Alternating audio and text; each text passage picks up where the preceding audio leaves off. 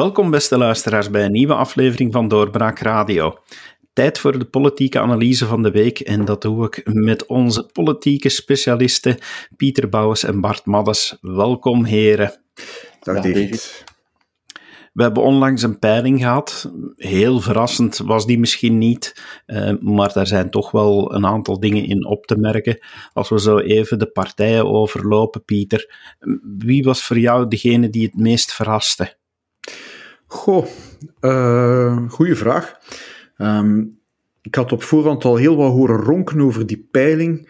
Um, en uiteindelijk verrast het mij bijvoorbeeld dat dat groen achteruit gaat. Uh, dat vooruit, ja, daar wordt veel over gedaan, maar eigenlijk een beetje ter plaatse trappelt. Dat, dat viel mij wel op. En ja, dat Vlaams Belang uh, peiling na peiling nu de grootste partij blijft. En uh, waar verschillende mensen mij zeggen van uh, je moet er altijd rekening mee houden dat het Vlaams Belang onderpeild wordt. En dan, uh, ja, dan, dan vraag ik me af uh, bij wie, ten koste van wie zal dat nog gaan. Dus ja, een, een, een, een algemeen beeld eigenlijk. Vlaams Belang blijft de grootste. We zien ook dat PVDA wint. Ja, uh, dat is toch ook een, een, een, stap vooruit. Kunnen we dan zeggen, Bart, dat het vooral de extremen zijn die winnen en dat het het ongenoegen over de politiek is die voornamelijk nog wint? Ja, behalve dat ik het woord extreem niet zo graag gebruik. Um, extreem is natuurlijk altijd zo'n iets subjectief. Hè. Ik, ik, spreek liever over uiterste partijen of over um, antisysteempartijen. In dit um, geval zijn het echt uitersten, hè? want ja, de ene zijn de is, is, de grootste partij en de andere is de kleinste partij. Ja, maar dat was voor mij eigenlijk de, de, wel de verrassing van deze peiling, en eigenlijk van, van de jongste peilingen, dat is de gestadige opmars van PVDA ja. in Vlaanderen. Hè? Dus PVDA zit nu aan 8,9 nu. Um, dus PVDA is, is groter dan Groen. Um, en is eigenlijk vandaag ongeveer even groot met eh, een achtname van de betrouwbaarheidsmarges mhm. als CD&V en VLD. Dat is toch iets fenomenaal. Hè? PVDA, dat was uh, tien jaar geleden ja, een absoluut marginale partij in Vlaanderen waar niemand over sprak. Um, en nu ja, zijn die toch echt wel stevig ingeworteld um, in, in, in, in Vlaanderen. Ik denk dat dat ook zal versterkt worden uh, door het feit dat, dat Raoul Hedebouw nu voorzitter is. Um, dus ook, ja, dat, dat zal uh, de campagne van PVDA in Vlaanderen natuurlijk enorm enorm kleuren. Hè. Hoe dat je het ook draait of keert, Raoul Hedebouw is een, een heel sterke politicus, een heel sterke debater, heeft zo'n soort naturel hè, gevoeld wat dat, wat dat hij zegt. Misschien is het ook wel acteren, maar dan is het toch goed acteren. Hè. Je hebt toch het gevoel, mhm. wat dat Hedebouw zegt, dat dat echt uit zijn hart komt. Um, die zit echt zo op het gemak uh, op, de, op de debatten, die beheerst ook echt um, de, de debatten. Dus dat zal heel iets anders zijn als, uh, als Peter Mertens. Hè. Uh, dus daar, daar zullen vonken overslaan hè, wanneer dat Hedebouw zal moeten debatteren met, met Bart de Wever, met Alexander de Croo in de campagne van 2024. Dus ik, ik kijk daar eigenlijk wel naar uit. En het, het belang daarvan is natuurlijk dat je ziet dat dat het momentum van, is van vooruit en, en Conor Rousseau afremt hè, en misschien wel zal ja. breken. Hè, uiteindelijk is dat een, een links publiek. Um, dat is een publiek dat zweeft ja, tussen vooruit, uh, groen. Uh, natuurlijk, die, die opgang van PVDA gaat onvermijdelijk ten nadele van, van vooruit uh, en, en, en van groen. Hè. En dat zie je duidelijk, zie je duidelijk hoe, ja. hoe Rousseau ook gehyped wordt in de media, want nu lijkt dat al een klein beetje voorbij. Maar zoals Pieter daar straks zei, ja, de winst daarvan is eigenlijk maar maar heel beperkt. Hè. Dus, dus vooruit blijft op een, op een heel laag niveau zitten. Um, en ja, dus de, de opgang van PVDA is echt heel indrukwekkend. Maar kan het zijn dat de opkomst van PVDA misschien ook ten koste gaat voor een stuk van verdere groei van Vlaams Belang? Want economisch gezien zitten er toch wel gelijkenissen tussen die partijprogramma's. Ja, ik denk wel dat daar een, een, een zekere overlap is. Hè. Dus dat zijn de, de antisysteemkiezers. Uh, dat zijn ook voor een groot stuk kiezers die, um, als je kijkt naar de coronabreuklijn, die eerder aan de kant staan van uh, het coronascepticisme.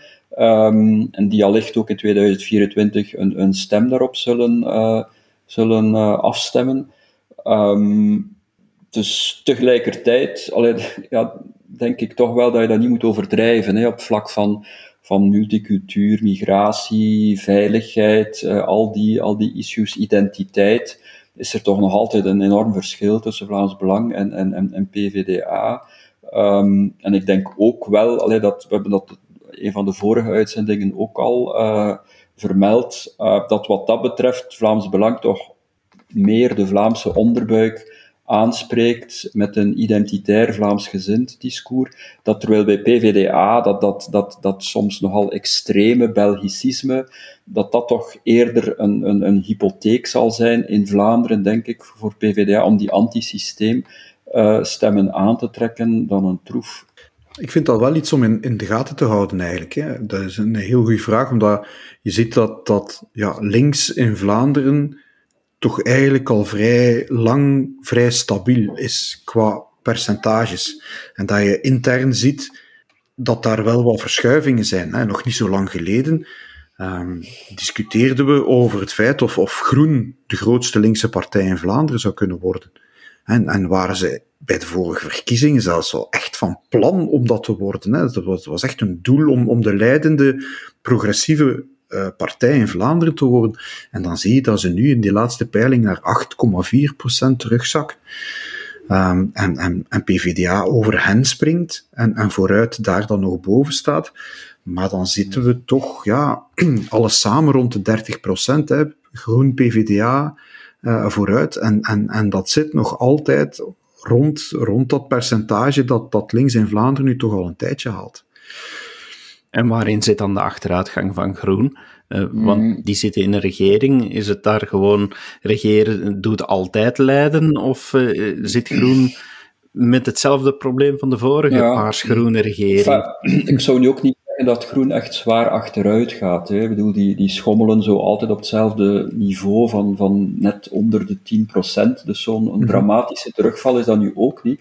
Um, maar die 10% is wel een soort van groen plafond in, in, in, Vlaanderen. En hoezeer ja, de groene thema's ook gehyped worden in de media, met de klimaatspijbelaars, met kernenergie enzovoort, ja, dan, dan zie je dat, dat groen altijd maar weer op dat plafond uh, blijft botsen. En, en ja, dat heeft natuurlijk te maken met het feit dat de Vlamingen eigenlijk niet zo houden van dat drammerige van groen, zo dat moraliserende, zo altijd dat, dat vingertje van dat mag niet, dat mag niet.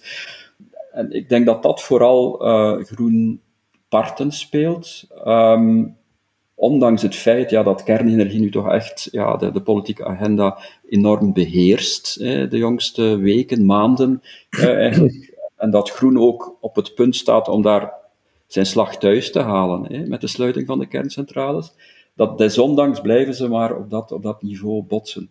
Er is één minister, vind ik, um, die een beetje ongroen is. Hè? Die dat, dat moraliserende zo wat kan overstijgen, dat drammerige. Dat is natuurlijk Petra de, de Sutter. Hè? Dat is, vind ik toch wel een, allee, een sterke minister. Een, iemand die ook ja, uh, heel nuchter, allee, een nuchtere, degelijke indruk maakt. Uh, het probleem is natuurlijk dat haar bevoegdheden niet zo, niet zo belangrijk zijn. Hè? Dat ze ook veel minder in de media komt dan, dan Tine van der Straten. Tine van der Straten die dan wel weer dat, dat drammerige heeft.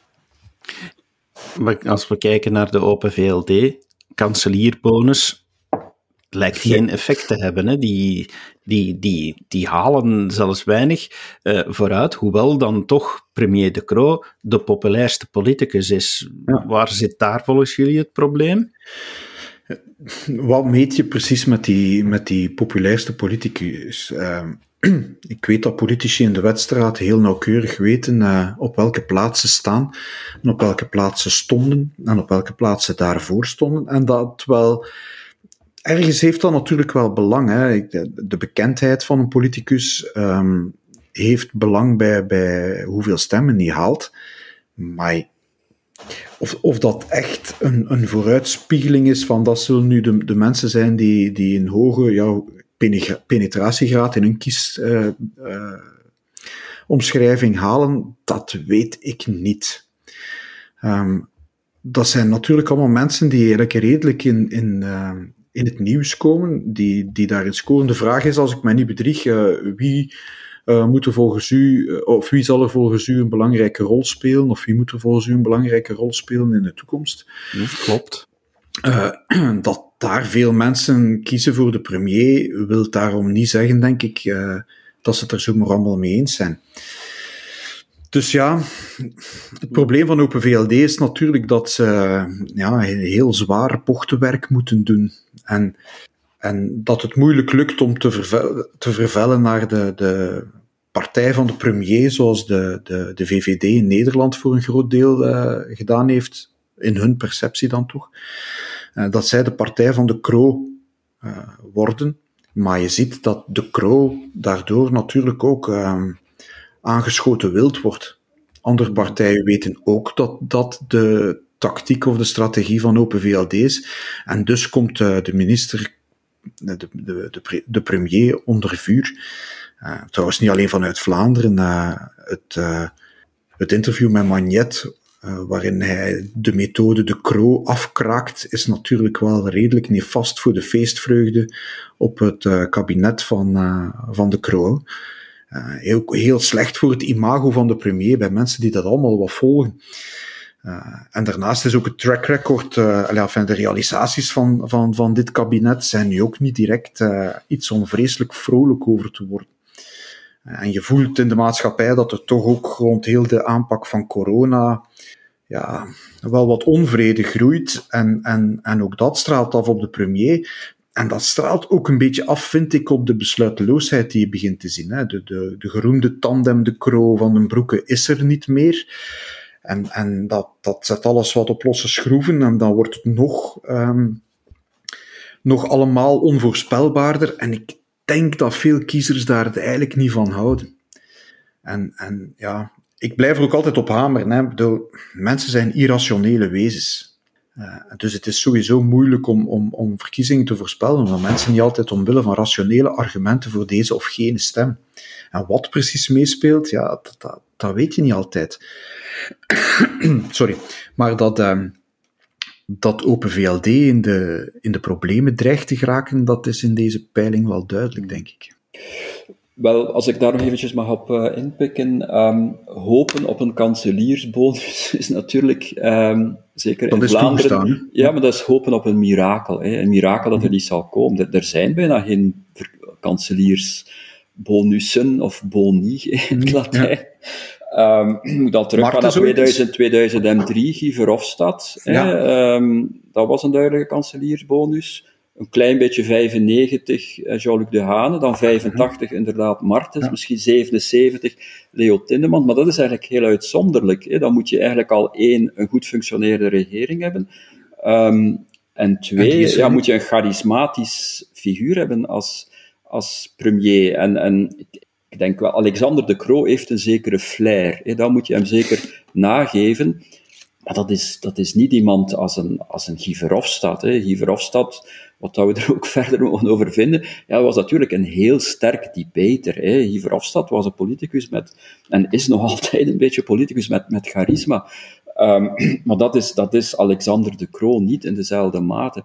Dus, uh, dus die combinatie, dus de ene heeft, geen, heeft onvoldoende charisma, Twee, uh, zijn regering functioneert slecht. Hè. Hij duwt alle, alle problemen voor zich uit. Hè. Nu opnieuw, vandaag in de krant, de tax shift, dat is weer al uh, doorgeschoven uh, naar, naar, naar volgend jaar. En dan natuurlijk een belangrijke factor die, die Pieter nog niet heeft vermeld, dat is Georges-Louis Boucher.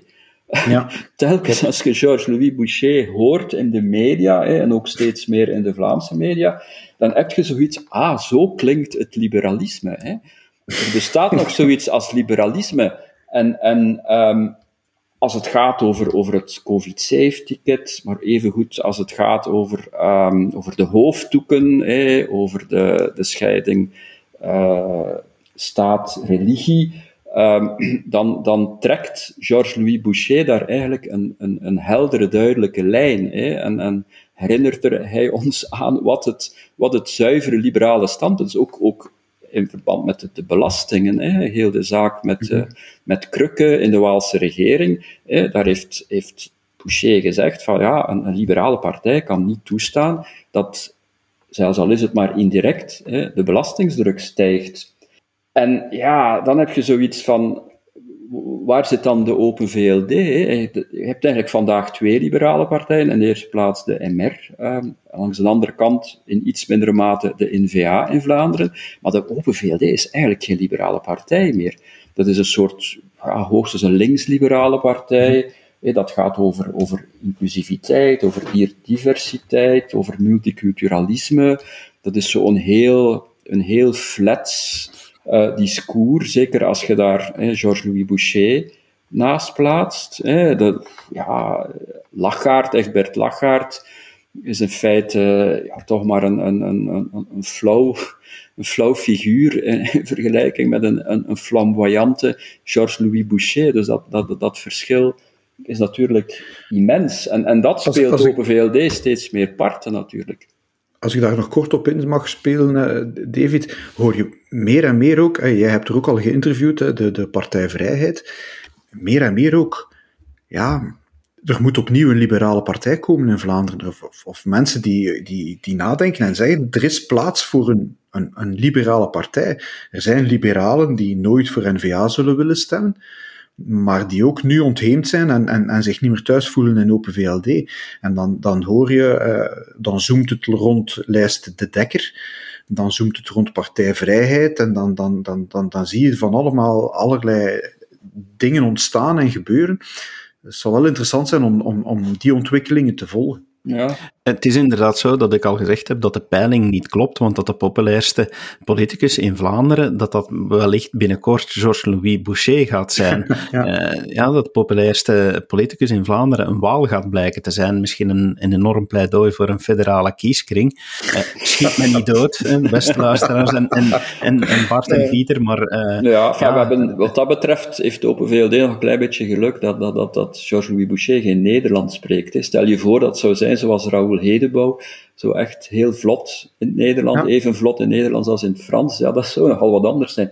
Nu, ik vind tussen naakjes wel, ik, ik hoor Georges-Louis Boucher eigenlijk ook heel graag bezig in het Frans. Ik vind dat hij eigenlijk een heel mooi Frans spreekt. Um, maar over VLD, ja, de, het is natuurlijk ook zo, allee, we leven in een tijd dat eigenlijk de meest fundamentele vrijheden vandaag onder druk staan omwille van, mhm. van corona, op, op, op, op, op tal van, van vlakken. Um, en dan ja, zou je toch verwachten dat de Open VLD, dat de liberale partij, uh, bij uitstek weerwerk biedt daartegen. Maar dat doet de Open VLD juist niet. Hè. Integendeel, als je Vincent van Quickenborne bezig wordt, gaat het enkel maar over boetes, boetes, boetes, bestraffen, bestraffen, bestraffen. Ja, dat is juist hetgeen dat, dat verwacht je van een linkse partij, dat verwacht je van vooruit. Dat verwacht je toch niet van een liberale partij. Maar dat weerwerk komt er wel van Georges-Louis Boucher. Uh, en hij haalt natuurlijk zijn slag niet altijd thuis, meestal zelfs niet. Hè. Maar hij zegt ook, dat was interessant, in dat um, in, in dat, eh, dat, dat stuk in, in de tijd, het weekend, hè, en ik denk dat, mhm. dat hij daar gelijk heeft. Georges-Louis Boucher zegt, hè, à qui perd, gagne. Hè. Je kunt verliezen, maar tegelijkertijd ook winnen, omdat je duidelijk je punt hebt gemaakt en ook duidelijk hebt getoond dat je vecht voor je zaak. Hè. En dat is wat je bij Open VLD niet ziet. Hè. Open VLD vecht niet meer voor de fundamentele rechten en vrijheden. Georges-Louis Boucher doet dat wel. En hij gaat erop vooruit in de peilingen, want daar zijn we nog altijd over bezig. Ja, terug naar die peilingen, CD&V. Ja. Die ja, van, van ooit de CVP staat, dat is echt verleden tijd. Hè. Deze voorzitter lijkt stilaan de voorzitter te worden die gaat moeten zoeken waar de lichtknop zit. Uh, ja, de drie traditionele partijen, eigenlijk alle drie, hè, die, die halen nog uh, iets in de 30% samen. Dat is eigenlijk onvoorstelbaar. En, en CD&V slaagt er, slaagt er niet in op dit moment om, om, om duidelijk te kunnen maken waar ze eigenlijk voor staan. En, en ook dat congres dat er nu geweest is, dat dan ook nog in, in, in digitaal verliep en in alle chaos ook nog eens, blijkbaar. Um, ja, dat, dat, ja dat, dat maakt het ons ook niet helemaal duidelijk waar, waar ja, die, eigenlijk de christendemocratisch fundament, hè, waar, het christen, waar de christendemocratie echt voor staat en, van, en, en een overtuiging van waaruit ze uh, aan politiek doen, dat zie ik niet meer. En dan kom je tot, tot van die ja, soort populistische toestanden als ja, we gaan het pensioen terug naar 62 brengen.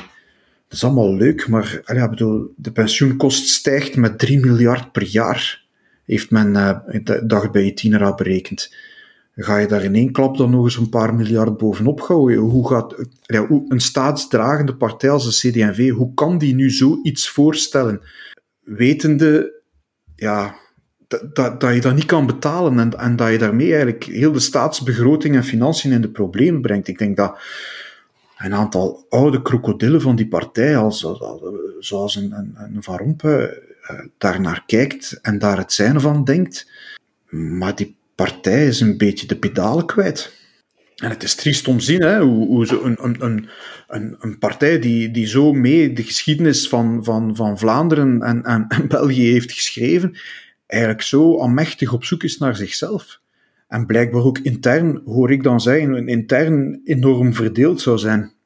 Niet alleen tussen Vlaams en federaal, maar ook ja, uh, die stedelijke CD&V'ers en die plattelands CD&V'ers zijn ook al niet helemaal hetzelfde. En dan heb je die overschotten van die zuilen nog. Dus die, die partij blijkt intern hopeloos verdeeld te zijn en vindt daar geen evenwicht meer tussen. Mm. En dan, uh, dan sta je er slecht voor natuurlijk. Hè. Het is natuurlijk zo dat uh, een partij die zo begint met het spuien van ideetjes. Hè, um, ja, ik heb er ooit over geschreven, ideetjes. Ideetjes, ja. allee, in mijn ogen hè, is dat symptomatisch voor de terminale fase. Hè.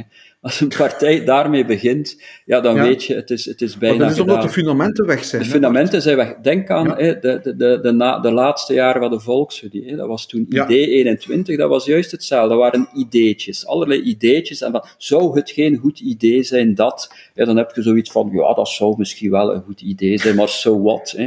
En, ja. en um, het, het, ik denk dat serieuze partijen die hebben dat niet nodig. Hè. Eh, PVDA, Vlaams Belang, ook N-VA. Ja, iedereen weet wel waarvoor die partijen staan. Hè. Dat is een, een, een duidelijk ideologisch verhaal. Um, die hebben die ideetjes niet nodig om, om, om stemmen aan te trekken. De mensen vertrouwen in de, in de visie van, van zo'n politieke partij, in de, in de ideologie ervan. Um, en dan, oké, de, de concrete beleidsvoorstellen, de omzetting daarvan uh, in, in, in concreet beleid, oké, okay, dat, dat laten ze dan over aan de, aan de partij. Maar als een partij eigenlijk inderdaad geen ideologische fond meer heeft, en, en als dat beperkt is tot, tot, tot van die ideetjes, ja, dan, dan weet je van, uh, dat, is, dat is hier bijna gedaan. Uh, want je leest bij, bij, bij in, die ideetjes, die hebben ook bijna niets te maken ja, met, met christendemocratie. Hè. Ja. Dat, je zou denken als CD&V dan, dan in de eerste plaats opkomt eh, voor, het, voor de vrijheid van godsdienst, eh, voor het godsdienstonderricht op, op, op school, uh, de bescherming van de zondagsrust, eh, bescherming van kerkgebouwen, dat soort zaken. Maar dat doen ze totaal niet. Um, dus zelfs hun core business ver, verzorgen ze niet meer. En dan natuurlijk heb je dan ook het fenomeen, um, ja, dat wat, wat overblijft van CD&V is natuurlijk een soort residu van, van beweging.net, de, de echte conservatieve rechtse, centrumrechtse kiezers en politici die zijn al weg naar, naar N-VA en, en, en zelfs misschien ook naar, naar Vlaams Belang. Dus dan heb je enkel nog zo dat, dat progressieve van beweging.net, maar dan zie je dat beweging.net eigenlijk CD&V ook een, een, een dolk in de rug steekt en, en zelf zegt, we gaan die exclusieve relatie stopzetten. Eh, we gaan ook kijken naar, naar, naar vooruit. Um, en naar, en naar groen. dus ja, wat blijft er dan op den duur nog over van, van CD&V? Niets meer. Dat is eigenlijk een zielig verhaal. Ja, maar eigenlijk ook een beetje een verhaal van de drie traditionele partijen. Hè? Maar ik ga eerst uh, iets vragen, Pieter. Ja. Um, als, als, als CD&V inderdaad terminaal zou zijn, zoals Bart hier nu, nu zegt, hè, dat, dat, dat ideetjes een teken zijn voor, voor een terminale partij, komen we dan tot de vaststelling dat we misschien ooit hebben meegemaakt dat NVA haar wagonnetje moest vasthangen aan CD&V om te overleven, dat het nu omgekeerd gaat zijn, dat daar toch terug gaat gekeken worden om die twee te laten samengaan? Zouden we naar, naar een hertekening kunnen gaan op dat punt van het landschap? Ja, nog zoiets waar het constant over zoomt. Hè. De hertekening van het politieke landschap of de herverkaveling van het politieke landschap, zoals dat wordt genoemd. Ik weet dat niet. Ik denk dat een hele fractie binnen de CD&V, om, om nu samen te werken met, met, met N-VA, dat helemaal niet ziet zitten. Dat die partijen zo verschillend zijn. Ehm, als je leest ook hoe uh, het kartel NVA, CD&V, ook die CD&V binnenuit eigenlijk echt verscheurd heeft tussen voor- en tegenstanders, dan denk ik niet dat dat iets is dat zomaar herhaalbaar is. En NVA wil zich wel positioneren op die plaats van, van CD&V, die, die, die centrumrechtse volkspartij, die ze volgens mij op dit moment eigenlijk niet zijn. Uh, nog niet zijn. Ik weet het niet of, of, of, of dat nog vandaag bestaat, zo'n volkspartij. Maar ik denk niet dat CD&V vandaag, um, waar eigenlijk de meeste ja, rechtse krachten uh, op stuurboord na, maar, maar, maar, maar wat betekent dat in de partij? Daar vrees ik een beetje voor. Um, dat, dat die helemaal niet zitten te wachten op een samengaan met NVA en dat NVA er eigenlijk ook niet zit op te wachten, omdat ze dan een heleboel problemen dreigen binnen te halen. Hè. Mm. Met, met die standen die er toch nog altijd op een bepaalde manier zijn. Ja, daar zit NVA niet op te wachten. Mm. Ik denk dat het scenario van de Volksunie allee, het meest waarschijnlijke is voor CD&V. Mm Dus het, ja, het geleidelijk aan uitdoven, ten ondergaan aan onderlinge twisten, dan ook altijd maar slechtere verkiezingsresultaten die dan een neerwaartse spiraal op gang brengen of, uh, of, of versterken. Allee, dat, ik zou eerder op, op dat scenario gokken. Um, eerder dan een soort kartelformule, omdat ja, Pieter heeft gelijk. Uh, natuurlijk, dat, is ook, dat komt ook omdat dat, het residu dat overblijft, de CD&V, is, is, is eerder links. Hè. Um, dus waarom zouden die dat in godsnaam samenwerken met, um, met, met, met, met, met, de NVA? Dan, dan zou een samenwerking met, met Groen of, of Vooruit eigenlijk nog uh, meer voor de hand liggen. Maar ja, dat zal dan de, de, de, de beperkte overblijvende conservatieve vleugel zal er dan ook nooit mee, mee instemmen. Um, we zijn bijna einde jaar, maar we kunnen toch niet zeggen dat het politieke jaar rustig gaat eindigen. Er leeft wel, wel een zekere onrust. Uh, betogingen blijven uh, maar gaan. We hadden afgelopen zondag nog een betoging. Bart, ik denk dat jij uh, daar ook wel weer aanwezig was. Hoe, hoe, was de sfeer daar? De sfeer was minder plezant dan de vorige keer. Um, eind november, 21 november denk ik was dat. bedoel, je eh, dan, bedoel je dan grimmig?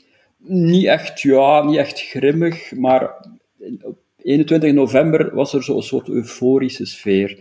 omdat niemand had verwacht dat daar zoveel volk uh, zou zijn, uh, dat was dat zoiets feestelijk. Um, de samenstelling, het publiek was ook enorm, enorm divers. dan echt Vlaming, Franstalig, maar ook uh, autochtoon, allochtoon, oud, jong. Um, dat, dat was vorige zondag veel, veel minder het geval. Het was hoofdzakelijk Franstalig. Uh, het was ook meer zo, en dat maakt het natuurlijk ook altijd minder aangenaam, het was ook dat iets Belgisch, Belgicistisch. Er waren geen leeuwenvlaggen, uh, wel een aantal Belgische vlaggen. De, de, de, de Brabantsonne weer klonk af en toe. dat, is natuurlijk allesbehalve aangenaam. Um, er was ja, ook veel minder volk. Ik denk dat 3500 is een enorme onderschatting.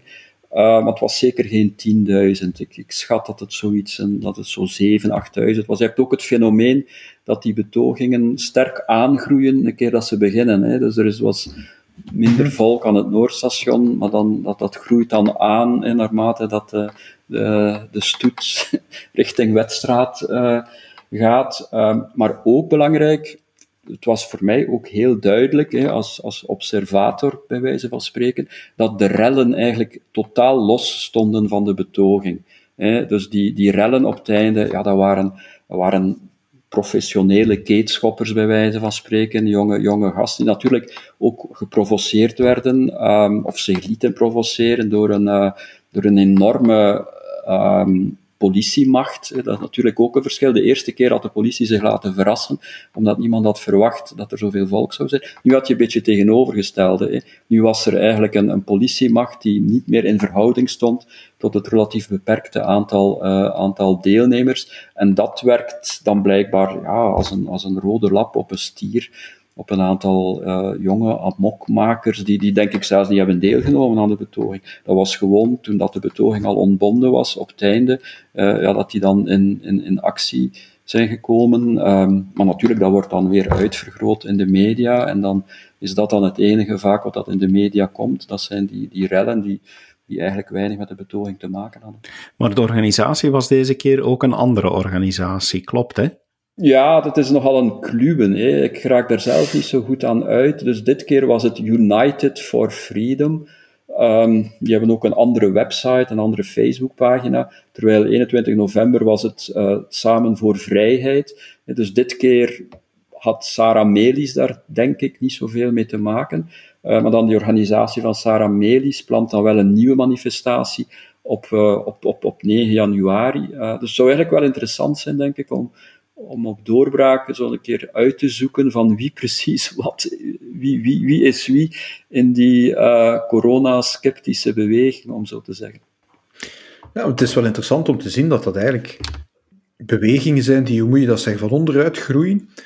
Uh, grassroots noemen ze dat, denk ik. Uh, en die eigenlijk niet via ja, traditionele bestaande verenigingen, vakbonden, middenveldorganisaties zijn die dan oproepen tot die betoging, maar dat dat allerlei groepjes zijn die dan elkaar vinden op sociale media, een oproep doen en er dan toch in slagen om, om ja goed, volgens de politie 3000 en volgens de organisatoren 35.000, dus dan, dan ben ik als journalist al geprikkeld van hier klopt iets niet. Enfin, de, en als, zelfs als de waarheid in het midden ligt, dan is de, het gat tussen die twee nog altijd groot. Um, maar ik vind, dat, ik vind dat op zich een, eigenlijk een heel interessante vaststelling. dat, dat daar compleet nieuwe mensen naar boven komen, compleet nieuwe verenigingen. Um, en, en dat dat eigenlijk een beetje een rare combinatie is van um, Vlaams nationalisten die daar rondlopen, Um, maar tegelijkertijd ook ja, uiterst links die daar is. Um, als je die betoging hebt gezien van het zorgpersoneel eh, in Brussel, die daar de deur van Van den Broeke wou inbeuken, dan zag je eigenlijk op de beelden heel goed dat dat een betoging was waar ehm, PvdA en eh, FGTB uh, heel sterk in aanwezig waren. het was niet Dries van Langenhoven die die die betoging had geïnfiltreerd, zoals dat bij de eerste, of georganiseerd. Of, maar daar zag je eigenlijk wel echt de hand van, van de PTB in. Uh, dat werd dan niet gezegd, dat vond ik eigenlijk heel eigenaardig. Maar goed, die was ook iets gewelddadiger. Maar je ziet daar toch heel, heel gekke combinaties ontstaan. Ik vind dat wel intrigerend, moet ik zeggen. Komt dat omdat 2021, als we daar even op terugblikken, dat dat een jaar is waarin we het gevoel krijgen dat we stilaan beginnen te verglijden naar een totalitaire samenleving?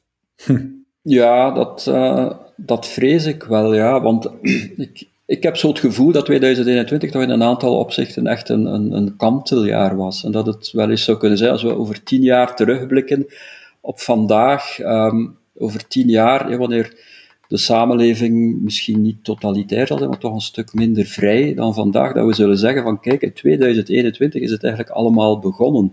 want je ziet de CST-pas, hebben we het al vaak over gehad, mhm. hier um, toch een, een, een, een enorme... Um, niet zozeer eigenlijk een beperking van de vrijheid, dat is misschien niet het grootste probleem, het is vooral een discriminerende maatregel. Um, en ook een enorme inbreuk op de, op de, op de privacy. Um, maar je hebt ook, en het helpt ook niet. En het helpt niet. Het is een, het is een leugen, hè, die, die CST. Het is, een, het is een leugen. Maar je ziet ook, hè, dus overal de camera's. Hè, uh, je ziet ook dat op dat vlak dat we echt in een stroomversnelling zitten, richting de surveillance-maatschappij. Eén klein dingetje in, in Bonheiden, een kleine gemeente, zegt we doen tien, we doen tien trajectcontroles. Hè. Ze doen daarvoor een beroep op een privébedrijf. Tien trajectcontroles zijn twintig camera's die men daar zal, zal, zal hangen. Um, camera's, hè, dus ook meer en meer camera's met, met gezichtsherkenning. Hè. Camera's die er louter hangen, zoals in Leuven, aan het Bruulpark, hè, om te monitoren wat er, wat er gebeurt, zelfs los van, van de verkeersveiligheid. 2021 is ook het jaar geweest dat we de uitspraak gehad hebben um, tegen dus de vier manifestanten van Voorpost, wiens hm. enige misdaad erin bestond om een spandoek te tonen, stop de islamisering. Hè. Beeld u in, hè, daarvoor zijn die veroordeeld tot een effectieve gevangenisstraf van, van, van vier maanden. Um, onder het voorwendsel hè, van het aanzetten tot haat. Hè, een soort heel vage omschrijving, waarmee men natuurlijk de vrijheid van meningsuiting enorm inperkt. Denk ook het geval Jeff Hoeibergs, hè, waar dat nu uh, het Openbaar Ministerie ook een gevangenisstraf eist. Zes maanden voorwaardelijk voor iemand die een beetje een onnozele cafépraat verkoopt, een beetje stand-up comedian-achtig. Um, ja, die moet gestraft worden met een, met een celstraf. Dat, dat is eigenlijk onvoorstelbaar. Dus op tal van vlakken zie je dat we aan het, aan het verglijden zijn, dat er grenzen worden uh, verschoven en dat we ja, toch precies wel in een beangstigend tempo evolueren uh, naar een meer totalitaire samenleving. Um, Pas en, op, niet alleen hier, breder in Europa, hè Bart? Als je ziet ook wat er, wat er in Frankrijk en Nederland en Duitsland en zo gebeurt, in Oostenrijk, um, ja, dan, dan, dan, dan zie je dat, dat dat precies een soort Europese maatschappelijke verschuiving is. Toch iets wat mij dan ja, ongerust maakt. Ja, het meest beangstigende vind ik dat de mensen dat zo gemakkelijk aanvaarden. Hè. Ja.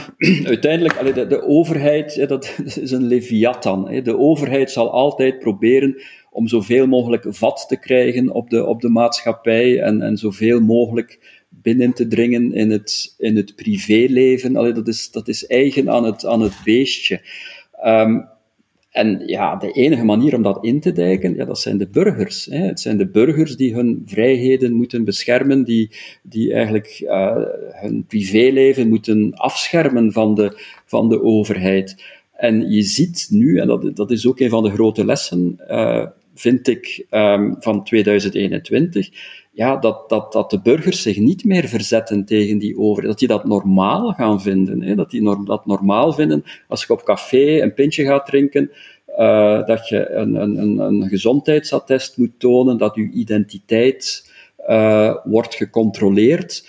Um, en, en dat komt ja, om, omdat de burgers bang worden gemaakt. Als je, als je de burgers maar voldoende bang maakt, dus dan zijn die bereid om al hun fundamentele vrijheden op te offeren. En dat vind ik enorm beangstigend. Eén, hoe gemakkelijk dat de mensen kunnen worden bang gemaakt.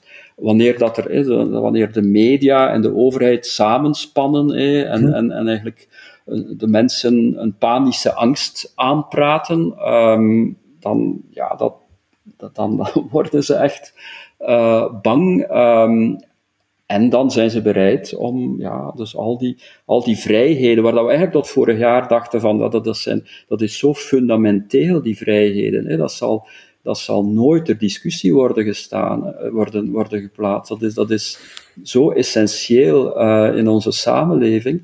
Um, dat, is zo, dat is verankerd in de, in de grondwet en zo. Ja, dan zie je dat er niet veel nodig is voordat die, die fundamentele vrijheden op de schop gaan. Het is ook een beetje, ja, onze generatie, en, of de generaties die er vandaag zijn, hebben geen wantrouwen naar de overheid. Of toch heel weinig, want wat de overheid doet is goed. Uh, blijkbaar, blijkbaar zijn er zoveel mensen en, en ja, de drempel is natuurlijk, ja, wat is dat, zo'n papiertje tonen? Ik heb die discussie al vaak gehad. Uh, ik ben, ik ben zo'n ambetante mens die elke keer als hij dat moet tonen, daar ook iets over zegt. En ik begrijp dat dat die mensen, als ik op café ga, hun schuld niet is. Maar toch blijf ik erbij om te zeggen van, ja, oké, omdat het moet, maar ik uh, verzet me daar fundamenteel tegen dat dat moet. Um, ja, voelde toch bij veel mensen van, ja, is dat niet allemaal nodig om, om daar iets van te zijn? Wel, ik wou het net ook vragen, want eh, we zeggen ja, hoe makkelijk en hoe gedwee, maar anderzijds, we hebben zelfs vandaag nog vastgesteld in de peilingen de uiterste uh, gaan omhoog. Uh, we hebben het gehad over die betoging, die toch vrij makkelijk uh, 10.000 mensen en misschien zelfs meer op de been brengt, vorige keer zeker zou het kunnen, en, en, misschien dat als laatste bedenking, dat er toch een ongenoegen aan het groeien is en dat wanneer er één of meerdere in de politiek zouden rechtstaan, het zij met een nieuwe beweging of partij, die dat, dat ongenoegen, ongenoegen kunnen capturen en daar nog een hoge vlucht mee gaan kunnen maken. Misschien maar tijdelijk, misschien maar één verkiezing, maar dat daar toch iets zou kunnen gebeuren? Er is zeker een kloof in de samenleving die zich enorm heeft uitgediept in de loop van 2021. Ik denk dat dat de ervaring is van iedereen, en in de familie, bij, bij, bij vrienden en kennissen, dat je onmiddellijk wel aanvoelt aan welke kant van de kloof staan die. Uh, dus dan de, de corona, ja, corona's fundamentalisten noem ik ze soms, het is een weinig neutrale term, um, tegenover de corona, tegenover de corona-sceptici.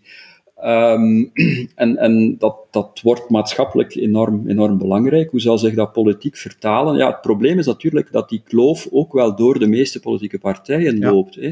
Klopt. Ja. Zelfs, die loopt zelfs door Vlaams Belang. Hè. Vlaams Belang is misschien de partij die daar het meest van, van zal kunnen profiteren, van dat fundamentele ongenoegen um, van het maar daartegen, maar zelfs ook bij, bij Vlaams Belang. Er serieuze discussies over, ja. Dus het is niet zo gemakkelijk om dat, om dat politiek te, te capteren. Hè. Dus voor Vlaams Belang is dat ook altijd een evenwichtsoefening. Vlaams Belang kan zich niet permitteren om, om echt als partij deel te nemen aan op te roepen voor die betogingen.